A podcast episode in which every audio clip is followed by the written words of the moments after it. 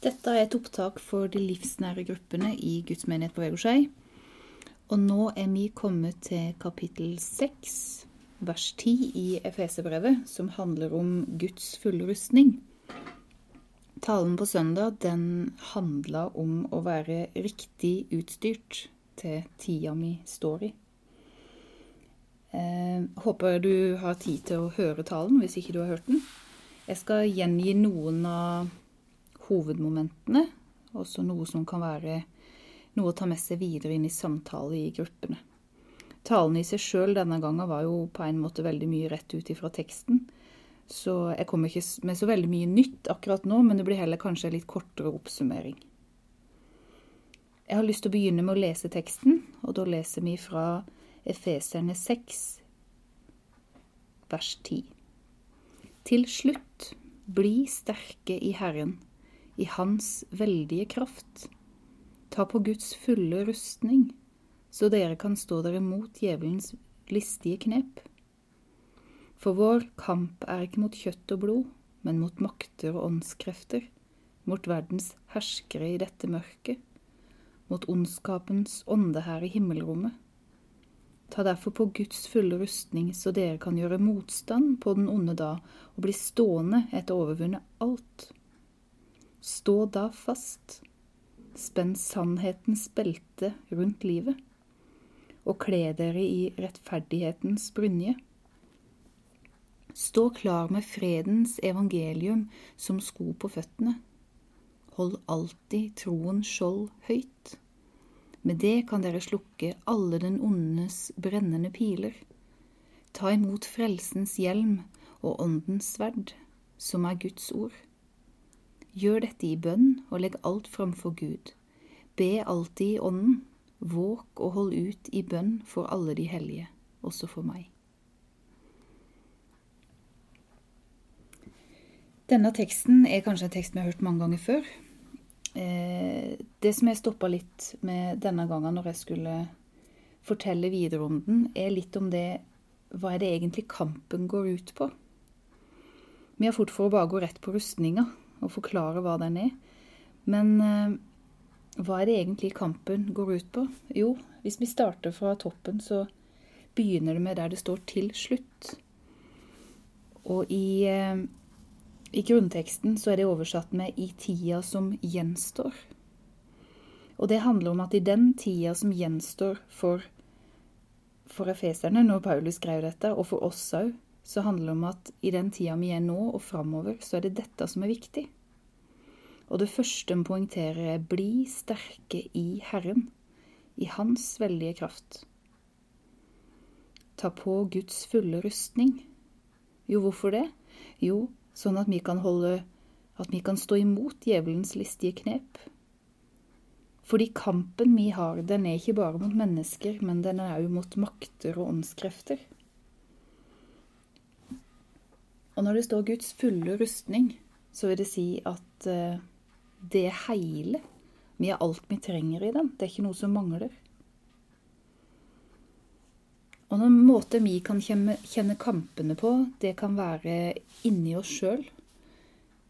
Eh, kampen mellom eh, det nye mennesket som vi er i Jesus når vi har tatt imot Han, og det gamle i oss som fortsatt vil, vil våre menneskelige lyster. De to jobber imot hverandre. Og Jeg brukte en historie om en, eh, en gammel indianer fra et reservat som tok imot Jesus og ble født på ny. Og så besøkte han pastoren sin noen få uker seinere. Og så erkjente han for pastoren at du, jeg har et problem. Eh, etter at jeg ble frelst, så føler jeg at det er veldig mange kamper inni meg som foregår. Eh, hele tida. Og det er som en hvit og en svart hund som kjemper med hverandre inni meg. Den gamle, kloke pastoren han forsto at den nyomvendte prøvde å forklare akkurat dette, den usynlige krigen, om at alle kjemper mellom vår nye natur, som mater seg med Guds ord og åndelige ting, og den gamle naturen, som mater seg med kjødets lyster og øynes lyst, livets stolthet. Den kloke pastoren han eh, spurte mannen det at eh, hvilke hund vinner egentlig kampen? Da svarte han det at eh, det er den hunden som er mater, den vinner kampen. Vi kan kjenne på det inni oss at eh, det kan være vanskelig noen ganger å vite hva som er hva. Det kan være vanskelig å ta gode valg. Og så har vi òg den verden vi ser i i dag, rundt oss. Der vi opplever veldig mange onde ting. Vi opplever at det er krig, vi opplever at det er nød. Og vi kan òg oppleve at ting kan være vanskelig i nære relasjoner. Og så har vi den åndelige verden, som ikke alltid vi kan se eller ta eller føle på, men vi opplever den òg med at det er en åndskamp. Det viktige med den kampen Det kan være veldig objektive meninger om hva som er åndskamp. Eh, noen kan stå i noe og si at ja, dette var virkelig en åndskamp, og så er det kanskje ikke det for noen andre. Det, det kan være mange måter å eh, beskrive og definere åndskamp på, men det er én ting som er en objektiv sannhet i det med åndelig eh, med, med åndskamp.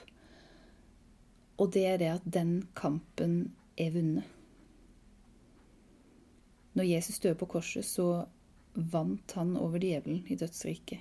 Og på den måten eh, den eneste måten vi kan beskytte oss på, er med å si Jesus sitt navn.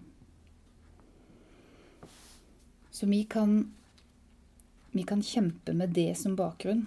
At Jesus, han er vår frelser, han har allerede vunnet den seieren. Og så, så dette er det vi står overfor. Og så handler det om eh, hva vi skal kle oss med. Det handler om beskyttelsen og rustninga. Og her har vi fått eh, presentert sannhetens belte. For å holde kjortelen så ikke den slang, slenger rundt oss, men å, å brette, få liksom tumla oss godt sammen, sånn at vi er beredt til å løpe. da. Så er det viktig med dette beltet. At vi går med sannhet. Rettferdighetens brynje, som handler om å vilje. Det handler om tro. Og brynje den beskytter de indre organene, og først og fremst kanskje hjertet vårt. Bevar ditt hjerte framfor alt du bevarer, for livet går ut ifra det. Og så står det at vi skal være klare med fredens evangelium som sko på føttene. Vi skal gå med fred. Troen skjold, det er det vi får lov å dele med andre. Og det er det vi får lov å dekke oss under nåden og det Jesus har gjort for oss. Til slutt så får vi utdelt frelsens hjelm. Og hjelmen den har en eh, funksjon som gjør til at vi dekker hodet. Og i vårt hode har vi alle våre tanker, drømmer, minner.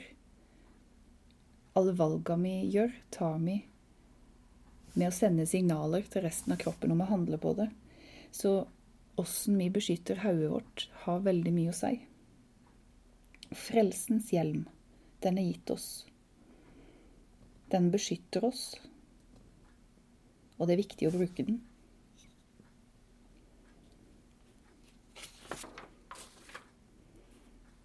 Um, rustninga er hva vi skal ta på oss.